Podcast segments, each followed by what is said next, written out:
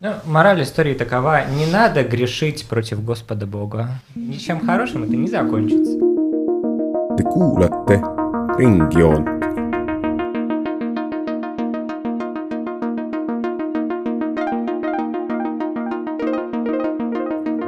joon ringis .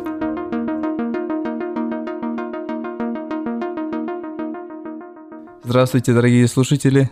Сегодня у нас в плане викторина. Сегодня у нас в гостях Роман и Клим. Скажите здрасте Привет. слушателям. Всем добрый вечер. Полина и Патрисия Привет. Привет. и Анастасия. Привет. В общем, у нас 11 вопросов. На ответ вопросу у вас 45 секунд. Если вы отвечаете неправильно, тогда отвечает другая команда. Подходит? Пойди тебе возрази еще что-нибудь. Итак, вы должны решить, кто из вас будет первым. Мы Уст- уступим, уступим, да, да, вам, красиво. да. Мы сделаем жест доброй воли. Мы уступим первый ход девушкам. Спасибо. Первый вопрос. Инженерное сооружение, падение с которого послужило подъемом в политической карьере Бориса Ельцина. На ответ есть 45. А можно повторить вопрос? Да. Инженерное сооружение, падение с которого послужило подъемом в политической карьере Бориса Ельцина. Мне только мосты вспоминаются. Мне тоже в голову ничего не приходит. Я даже не знала, что он падал. И я. Какие инженерные сооружения ты еще знаешь? Хороший вопрос, Патрисия. Он требует размышления. Но если было бы здание, то я не думаю, что он выжил бы это для своего подъема. Да нет, это точно не здание. Но, Ну, думаю, самое легкое это мост. Давай скажем мост, у нас все равно нет других вариантов. И да, правильный ответ мост. Э, Какой па- мост? Падение Ельцина с моста – событие, случившееся с Борисом Николаевичем Ельцином 28 сентября 1989 года. Этот инцидент долго и детально обсуждался на заседании Верховного Совета СССР, транслировався по центральному телевидению, а также опубликованном в центральной печати. Такого типа публичные обсуждения никогда ранее не встречались в практике высших государственных и правительственных органов СССР. По версии самого Ельцина, он решил посетить своего друга на даче Сергея Башилова. Захотев пройтись пешком, он отпустил шофера со служебной машиной. Вдруг на него напали неизвестные, затолкали в автомобиль «Жигули», надели на голову мешок, а затем сбросили с моста в Москву речку. Ельцину удалось спастись. Эта версия была подвергнута сомнению на заседании Верховного Совета СССР. Что произошло на самом деле, осталось невыяснимым. Вот такие они опасные 90-е годы. Хотя это не 90-е годы, 89-е. Ну какая разница? То же Недалеко там было, в общем-то, до 90-х годов. Бандитский Советский Союз. А Вы знали ответ? Или... Да, я, я помнил, что у Ельцина была какая-то история, как его кто-то хотел убить. И я подумал тоже про мост, потому что там была история с тем, что его кто-то в реку скинул. Я подумал, наверное, человека кидают в реку с моста, поэтому я тоже предположил мост. Следующий вопрос. Автор высказывания «Хотели как лучше, а получилось как всегда». Предусловие. Был российский политик, этот человек, О, э, и член правительства Российской Федерации. Служил в разных высокопоставленных должностях, включая должность первого заместителя председателя правительства. Он также произнес известную фразу «Денег нет, но вы держитесь». Эта фраза отражает экономическую ситуацию в России в 90-е годы. Он был еще исполняющим обязательности президента Российской Федерации с 5 по 6 ноября 1996 года. ну, Кому принадлежала эта фраза? у меня есть сходу предположение, что это был Черномырдин. Да, я тоже думаю, Да, что это был но Черномырдин. денег нет, но вы держитесь, Фраза это же Медведева. Но это не значит, что он первым ее произнес. Да, может быть, не, ну просто Черномырдин, это же был такой мужик, который любил всякие там фразочки Но Ну, от повысказывать. него и пошло это Ну термин да. черномырдинки, то есть вот эти выражения, которые были очень емкие, очень резкие. Что он сказал хоте... про КПСС и автомат Калашникова? Я, честно говоря, не Хотели помню. как лучше, да, а получилось, Честно, как- ав- да, автомат Калашникова и КПСС всегда получается у них. Ну, В общем, да, да, наш ответ, что это был Черномырдин. Совершенно правильно. Это был Черномырдин. Он еще с 11 июня 2009 года до конца своей жизни был советником президента Российской Федерации. Специальный представитель президента Российской Федерации по вопросам экономического сотрудничества с государственными участниками СНГ. Он еще был, кстати, основателем и лидером партии «Наш дом, Россия». Счет сейчас. 1-1. Готовы? Да. Конечно. Знаете ли вы, что первые хрущевки появились вовсе не в СССР? В какой стране впервые начали сооружать жилые дома такого типа? Какой хороший вопрос. Да. Как хорошо ты подготовился, Ильяс. Может, от соседей? Мгм. У вас 10 секунд. Это должна быть какая-то хорошая ораль внутри. Время. Потрясающе, что вы скажете? Казахстан. Казахстан. Ну да, пускай будет Казахстан. Его сокорчуну Казахстан был в составе СССР. Э, У нас э, есть вопрос к вопросу, очень такой интересный. Хрущевки имеется в виду типа архитектурный стиль или именно вот такой тип домов? Такой тип домов, панельный тип домов. Окей, все, что нам пришло на ум, это Ле Корбюзье с французской архитектурой. Он вроде как был основоположником этого течения, и он очень потом активно котировался в Советском Союзе, но изначально он начинал свою деятельность во Франции. У него был еще безумный план, как перестроить половину Парижа и застроить его панельками. Мы попробуем рассуждать логически в данном вопросе. Э, Кстати, Франция довольно подходит. Да, но, по-моему, Ле Корбюзье вообще в 30-х начал Подожди, давай- свои идеи Так. продвигать. Но если именно Хрущевка-Хрущевка, то, может быть, немцы начали, Хрущевки чтобы... это 50-е, 60-е. Да, это вот начало 50-х. То есть нам начали надо их думать возводить. что-то до этого. Да. Так, мы отметаем. Ну, СССР. вопрос. Западная же Германия не будет строить панельки? В Западной, в Западной Германии относительно мало Почему? панелек. Ну, если мы посмотрим на Восточный Берлин, он застроен типа типовыми Время. домами. Ну, тогда мы говорим Франция. Да. Правильным ответом является Великобритания. Вы очень хорошо рассуждали. Концепция массового жилищного строительства на основе панелей была впервые разработана и применена в Великобритании после Второй мировой войны. И подобные жилые дома назывались панельными домами или блоками. Но мне понравилось, как вы рассуждали. Очень специфически. Ну, мимо цели, поэтому не считается. Следующий вопрос.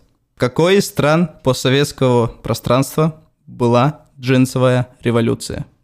Какой из стран постсоветское... Было. Стоп, постсоветское пространство мы берем 15 республик. Да, мы берем оригинальные 15 республик. А что джинсовая революция, что понимается, когда люди массово джинсы начали носить? Нет.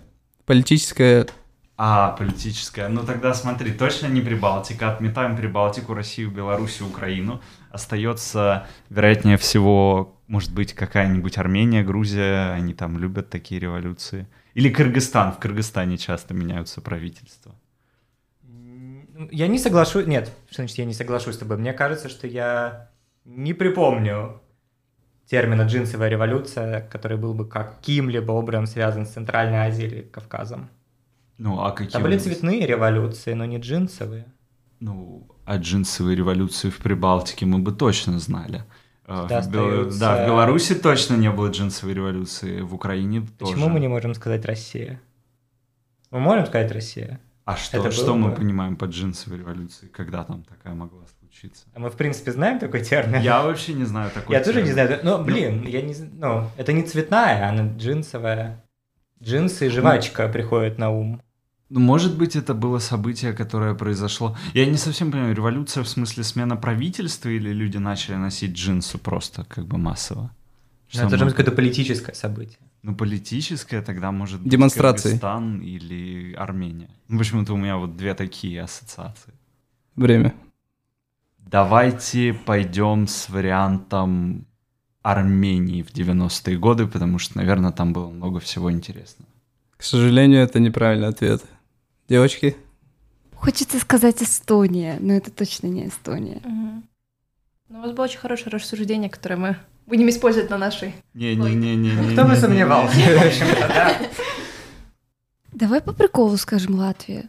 Мы же ничего не потеряем. Ну ничего, у нас хороший счет сейчас. Латвия. ответ принят, и ответ неверный. В Белоруссии. Революция получила такое название после инцидента, который произошел во время одной из публичных демонстраций против политики Александра Лукашенко в марте 2006 года. Когда полиция конфисковала белорусский бело-красно-белый флаг, официально запрещенный в стране, но используемый оппозицией, один из лидеров молодежного движения «Зубр» Никита Сосима поднял свою джинсовую рубашку, объявив, что теперь она будет их флагом. Стоит отметить, что революция не закончилась победой и не привела к желанным изменениям в системе. по сей день. По- Поэтому, как бы, да, Беларусь э, это последняя страна, которая ассоциируется с революциями. С удачными революциями. Потому что если революция революция, то она должна быть удачной. Ну, мы еще раз подтвердили правдивость поговорки «век живи, век учись». Следующий вопрос. Из какой национальной группы состояла команда Франции по вольной борьбе на чемпионате Европы среди молодежи до 23 лет в Румынии? Согласно информации Федерации французской борьбы. То мы или девочка? Вы прошлый ответ начинали, А, значит, окей. их не очередь. Да. Э, millises etnilisest grupist Prantsuse vabamaaluse tiim koosnes Euroopa meistrivõistlustel Rumeenias ? А можно уточняющий вопрос? да , Сколько человек в команде? ну в сборной , сборной Сборной. молодежи , да , А, а сколько там по человек? борьбе . ну предостаточно . Честно, то я про спорт много не знаю. Я вообще ничего про спорт не знаю. Я могу дать подсказку, то, что в общем было 6 спортсменов. Вы можете рассуждать и думать, какие этнические группы во Франции и кто мог... Ну, вот ты Блин. у нас эксперт по Франции. Да, но не в спорте. Э, А, давай скажем, африканцы, сто процентов. Вряд ли французы будут играть за французов. Вы можете сомневаюсь. быть более специфичными. Да-да-да, ну мы сейчас как бы... М, Да, мы накидываем варианты. Да, мы сейчас будем теперь погружаться. А, в Африку? Ну, если думать о колониях. Только Намибия. Я не знаю. Но там же не только они были, мне кажется. Я думаю, там несколько национальностей. А мы даже несколько национальностей назвать? Или одну. Одну. А, одну. А, ну тогда. Ну нет, Ну. все равно сложно. Время тоже. Ну это не Какой у вас? Ну, Намибия. я тоже уверена, что Намибия, но... Какой у вас ответ? Раз мы сказали Латвию в прошлом раунде, то Намибия. Ответ неверный. На ум приходит веселая песня из ТикТока «И по ночам мне снится мой Дагестан родной». А, но мы не уверены в том, какая из групп Кавказа этнических все... А принимается ответ «кавказцы»? Или мы должны... э, Более решить это? специфично. На самом Да. деле мы сейчас Либо чеченцы, боремся либо между двумя дагестанцы. вариантами, между чеченцами и дагестанцами, северокавказские национальности. Ну, дагестанцы более успешные в борьбе. Вообще, Мне Ну, кажется, как в что это были спорте. все-таки чеченцы, потому что у чеченцев есть Диаспора. своя диаспора в- во Франции. Ну, это логично, они же после вот этой войны уезжали в Европу, во Франции их много. Но Здесь 50 на 50. Ну, Да, я бы дагестанцы хорошо в этом спорте, э, в этом виде спорта себя показывают, а у чеченцев есть диаспора. Ну давай говорил- тогда Давай все-таки скажем чеченцы, чеченцы, да. да. Мы говорим чеченцы. Ответ верный. Вся сборная Франции состояла из чеченцев. Этнических чеченцев, которые проживают во Франции после событий в Чеченской войны. И все шесть человек, которые были на чемпионате Европы, были чеченцами. Их имена были Адам Бибулатов, Хамзат Арсамирзуев, Мухаммад Амин Сангариев, Магомед Делиев, Рахим Магомадов и Адлан Висханов. Вот такие вот фр- французы. На ум это Vive la France. Да. Ну, Да. правда, правда, еще фамилии у них русифицированные. Я не знал, что они оставляют русифицированные фамилии. Ну, вот это Алиев, вот это с окончанием. Я думал, они меняли фамилии.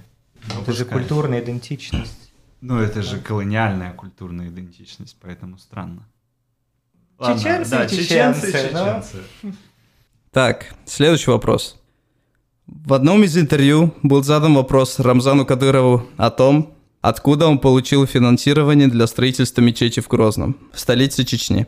Каким был его ответ на вопрос о том, от кого или откуда, по его словам, пришли деньги? Что-то А мы- нас не а мы- отпускает мы- Северный Кавказ с вопросами. Я вас... Нет, А, это наша наш, очередь, наш. мы А, отвечаем. ну, я почему-то с вероятностью в 90% э, уверен, что он э, Сказал, скажет что это зал от Бога. От, Аллаха, да. Э, Логично, наверное, он бы не сказал что-то скучное вроде от центрального федерального правительства или из бюджета, да, или от Путина. В его смысле, да, ну, в его поведении должно быть что-то такое, ну, терпкое, я не знаю, что-то острое, что в свою очередь запомнится, а, но как бы будет не слишком кринжовым, поэтому, может быть, от Аллаха. Ну да, наверное, мы останемся, остановимся на фразе, что эти деньги от Бога, потому что, ну, действительно, а, э, яркая исламская идентичность, и после ответа от Бога, ну, какие еще могут быть дополнительные вопросы, поэтому довольно авторитарный стиль. В общем-то, то, что можно ожидать от Рамзана Кадырова. Поэтому мы говорим, что от Бога, от Аллаха. Это верно. Когда он ответил то, что от Аллаха, он еще добавил и сказал той женщине, которая брала интервью, чтобы она доказала то, что не от Аллаха. Действительно, принадлежность таких денег установить сложно. Следующий вопрос, девочка. В этой стране проживает 62 миллиона человек. У этой страны три столицы. И ни одна из них не является крупнейшим городом по населению. О какой стране идет речь? Мне почему-то приходит на ум Африки. Что-то в Северной. Возможно. Должна быть какая-то причина, почему три. И, может быть, х- эм, когда у нас обычно появляется столица, то это должно быть какое-то такое, как Майандуслика. Экономическое развитие. Эм, Да. Хорошая, доволь- довольно, я бы сказала бы. Или как ты думаешь? Э, У меня нет вариантов. Но если мы подумаем, может, не в Алжире? Может, это вообще Южная Америка? Думаешь? Не уверена. А подсказку можно? Помощь друга. Как думаете, могу я? Ну, небольшую подсказку, Да. чтобы мы могли. Мы уступаем. М- А, Можно Да, уточнить можно континент, уточнить. я думаю. Континент, вы были в правильном русле изначально. Изначально. Значит, Африка. Угу. Угу. Но я все-таки склоняюсь к, к Северной. Скажем, Ле- Скажем, да. Либия. Нет, неверный ответ. Ну, тогда пришла наша очередь пользоваться подсказками, которые оставила нам предыдущая группа. А, У нас есть сходу предположение о том, что это Южная Африка, потому что у Южной Африки есть несколько столиц. И Мы можем население- назвать две из них как Подожди, минимум. э, Притория? Притория Йоха- и Йоханнесбург. Йоханнесбург, да. Подожди, Какая но третья? а вот меня, меня очень смущает вот этот факт про... Ну, 62 миллиона населения, да, под Южную Африку подходит, там людей живет много. Ты думаешь, это много или мало? Ну, 62 миллиона для Южной Африки нормально. Ну, то есть, если у тебя там в Конго и в Нигерии, в самых населенных чуть больше 100, то для Южной Африки, крупнейшей экономики Африки, наверное, 62 — это окей. Вопрос остается в крупнейшем городе. Меня очень смущает факт крупнейшего города, потому что я всегда думал, что какой-нибудь Йоханнесбург — самый крупный город Южной Африки. А что если Йоханнесбург на самом деле не столица, что он является крупнейшим городом, а, А. столица это города, которые мы вообще не знаем? Ну да, но Такое там может есть быть? какие-то ан- анклавы племенные, которые, Но это по-моему, другие тоже... государства. Но там точно не одна столица. Может Ну, быть, это реально, лучшее, да, что да. Ну, мы на самом деле можем сейчас предложить. И мы на самом деле зацепились за фразу о том, что эта страна находится в Африке. Да. Но с Африкой у нас лучшего предложения, наверное, не будет. Ну, наверное, по вот этому ориентиру в 62 миллиона подходит действительно Южная Африка. Тогда мы говорим, что это Южноафриканская республика. Вы абсолютно правы. Этими столицами являются Кейптаун, Притория и Блумфонтейн. Ну, видишь, Йоханнесбург, А, значит, это крупнейший самый город, крупный, который не да. является столицей. Ну, хотя бы мы этот раз правильно этот... Направление. Направление выбрали. Вы готовы? Да. Мы готовы? Вам вопрос. В этой стране с начала 2014 года идет кровопролитная гражданская война. Там проживает приблизительно 34,5 миллионов человек. Эта страна имеет богатое историческое наследие и была одним из древних центров цивилизации. Эта страна считается одной из исторических родин кофе. О какой стране идет речь? Так, подожди, эта страна является одной из исторических родин кофе. Ладно, вопрос с кофе смущает. Мы подумали изначально про Сирию, хотя я думал, война началась там в 2012 году. Кофе, может быть, не кофейных зерен, а кофейного напитка. Потому что в Европу кофе пришел с Турции, с Османской империи. Значит, может быть, его типа одна из родин это Сирия и сирийский Я кофе. хотел сказать Эфиопия. В Эфиопии может идти гражданская А, ну, война в- с 2014 но в- года? В Эфиопии в 20 году было какое-то противостояние, но у них там последние лет 20 большие проблемы. Эфиопский же президент получил Нобелевскую премию мира, мира, да, и несколько потом лет он назад, развязал да. войну, и там очень странная история. А можно, если девочкам подсказку, то нам подсказку э, уточнить. э, это- Континент. да, континент. Я могу сказать, какая религия там. А, В этой да, стране. без Это проблем. нам не сильно- а, подожди, это нам сильно помогает, да, поможет, да, это хорошо, христианская давай. страна. Мусульмане.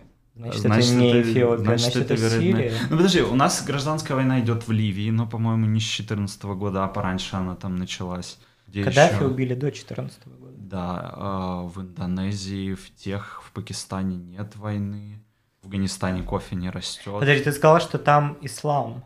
Да. А ну это все мусульманские страны, хорошо. И время тоже. Ну давай Сирия. оставим предпола- да, при первоначальную наш- идею. Выбор пал на Сирию. К сожалению, неправильный ответ. Патрисия, ты любишь кофе? Нет, я еще кофе не пью. Но, если честно, то тоже сначала подумала о Сирии.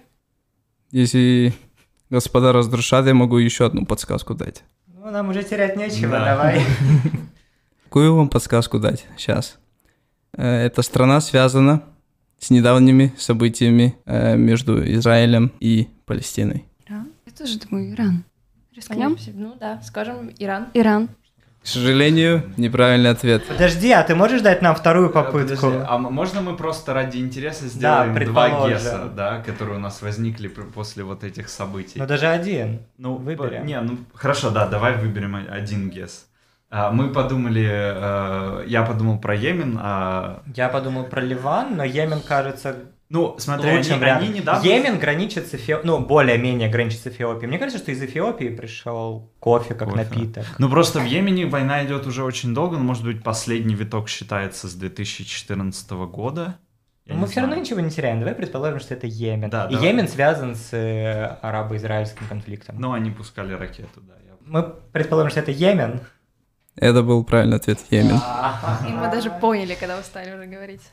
Так, какой счет? Да можно не засчитывать нам Да, у этот нас балл, один- мы ради один. интереса. Нам самим очень интересно послушать просто хорошее рассуждение. Да, да, да. Кто не умеет Мы рисовать. учимся. Сколько вы насчитали у себя очков?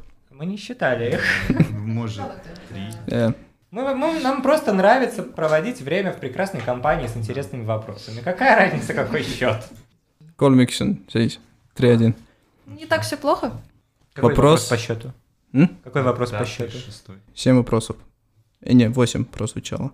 Вопрос вам. Право голоса на выборах для женщин вводилось разными странами на протяжении всего 20 века. В каком году женщины в Саудовской Аравии получили право голоса? Я только про, про вас сразу вспомнила, что они недавно получили право водить машину. Значит, и это тоже должно было быть немножко до этого. Как мы думаем, 2000 хотя бы или... Ну, в Ну, да-да-да. 2000-х. Но они позднее всех права получают. К Чему ты склоняешься? Вот 2010-2009 вот так вот. Я думаю, раньше. Раньше? Да. Ну да, на самом деле. Я бы сказала 2001, но я вообще не уверена. Я могу дать плюс-минус 2 года. Но четырехлетнее окно это довольно большой промежуток времени. 2002 это Второй, будет. давай. Да, 2002. Неправильный ответ. Первый вопрос, который приходит на ум, это вопрос к ведущему.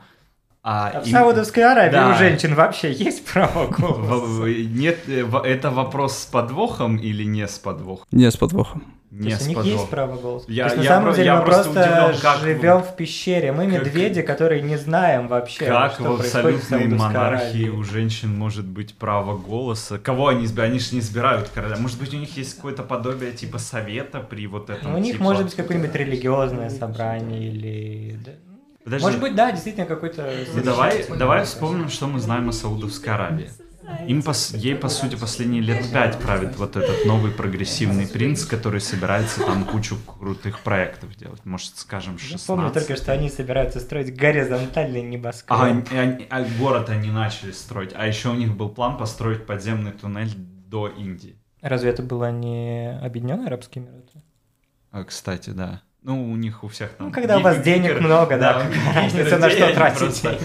Ну, а, поскольку Ибн Салман, кажется, зовут этого принца, и он с 18 где-то года или 20 может, предположим, 19 Мне так нравится, как мы предполагаем. Ну, вроде как его зовут Ибн Салман, да, человек, который отвечает за... является одной из ключевых фигур в регионе, и мы говорим, ну, наверное, его зовут Ибн Салман. Ну, мы знаем, в- что он существует и что он делает что-то полезное. Этого Э, достаточно, я считаю. Абсолютно. Ну, да, как бы... Возвращаясь к Кстати, годам. кстати, да, возвращаясь к годам. Ну, давай скажем 19 Время. год. Попробуем 19 У нас есть четырехлетнее окно. Да, ну плюс типа 21 и 17. Хорошо, мы говорим 19 год. Правильный ответ 2015. Надо было говорить 17. Да. Ну, мы были ближе, чем другая команда. Так, кого очередь отвечать? Мы- Но у нас А, уже нет, да. столько вы- пунктов на самом деле, Да. что мы можем дать Передать, возможность да. девушкам. Ну, Вас так хорошо слушать. Ой, спасибо. Так большое. интересно. Так, вопрос. Этот бывший член Риги Когу, министр внутренних дел и мэр Таллина, впоследствии был президентом Эстонской футбольной ассоциации с 1990 года по 1992 год. Кто это был? Какие мэры Таллина мы знаем? Только Кылварта. До этого был, по-моему, Тави Аш, и это Каршависар. И это, ну, он был бы таким человеком, который Иван на все дела. Давай его и назовем. С футболом я сейчас, если честно, никого не ассоциирую. Ну, попробуем. Хотя Это слишком легкий ответ, мне кажется. Да нет. Ильяс не мог нас так подставить. Хотя смотрят на нас очень такими грустными глазами. Сависар, ваш окончательный ответ. Нет. Подождите. Может, Сависар? Откуда вы знаете? Он ведь не... Вы можете просто дать свой ответ, и тогда узнаете, может быть, правильный ответ. Может, господа там, или вы вообще правы, не знаю, Очень. знает. Криптичные. Ну, скажем, я не, не помню его в контексте футбола. Нет, Тогда нет. Ну, так скажем, е- если я вообще правильно помню, что он был. Ну, Ладно, Тави Аш. Нет, неправильно. Так, повтори, пожалуйста, с какого по какой год он был? С 1990 по 92 Он был президентом футбольного союза. Футбольная ассоциация Эстонии, да. А. Подожди, кого мы в принципе знаем? из Вот я мэров знаю этих Таллина? трех, и стыдно признаться больше никому. Нет, по-моему, какой-то момент мэром Таллина был Юрий Ратус, но Юрий Ратус связан, мне кажется, больше с баскетболом, чем с футболом. Да, Кылвард связан, соответственно, с дзюдо. Дзюдо. Тавиас, мне кажется, вообще не связан со спортом. Не в обиду Тавиасу будет сказано. Но это должен быть кто-то из центристов, потому что центристы всегда руководили Таллин. Подожди, он занимал также должность министра внутренних дел, но Да. мне это не особо о чем говорит. Я помню, что когда-то Андрес Анвельд занимал должность министра внутренних дел, но я не помню, чтобы Анвельд был ми- мэром Таллина. Может быть, мы попросим какую-нибудь подсказку у ведущего? Я боюсь, что в данном вопросе Не, не, никакая а может быть, мы подсказка нас не попросим- спасет. Попросим назвать еще несколько мэров Таллина. Нет, есть какие-то факты из его биографии, которые нам немножко бы помогли в данном вопросе?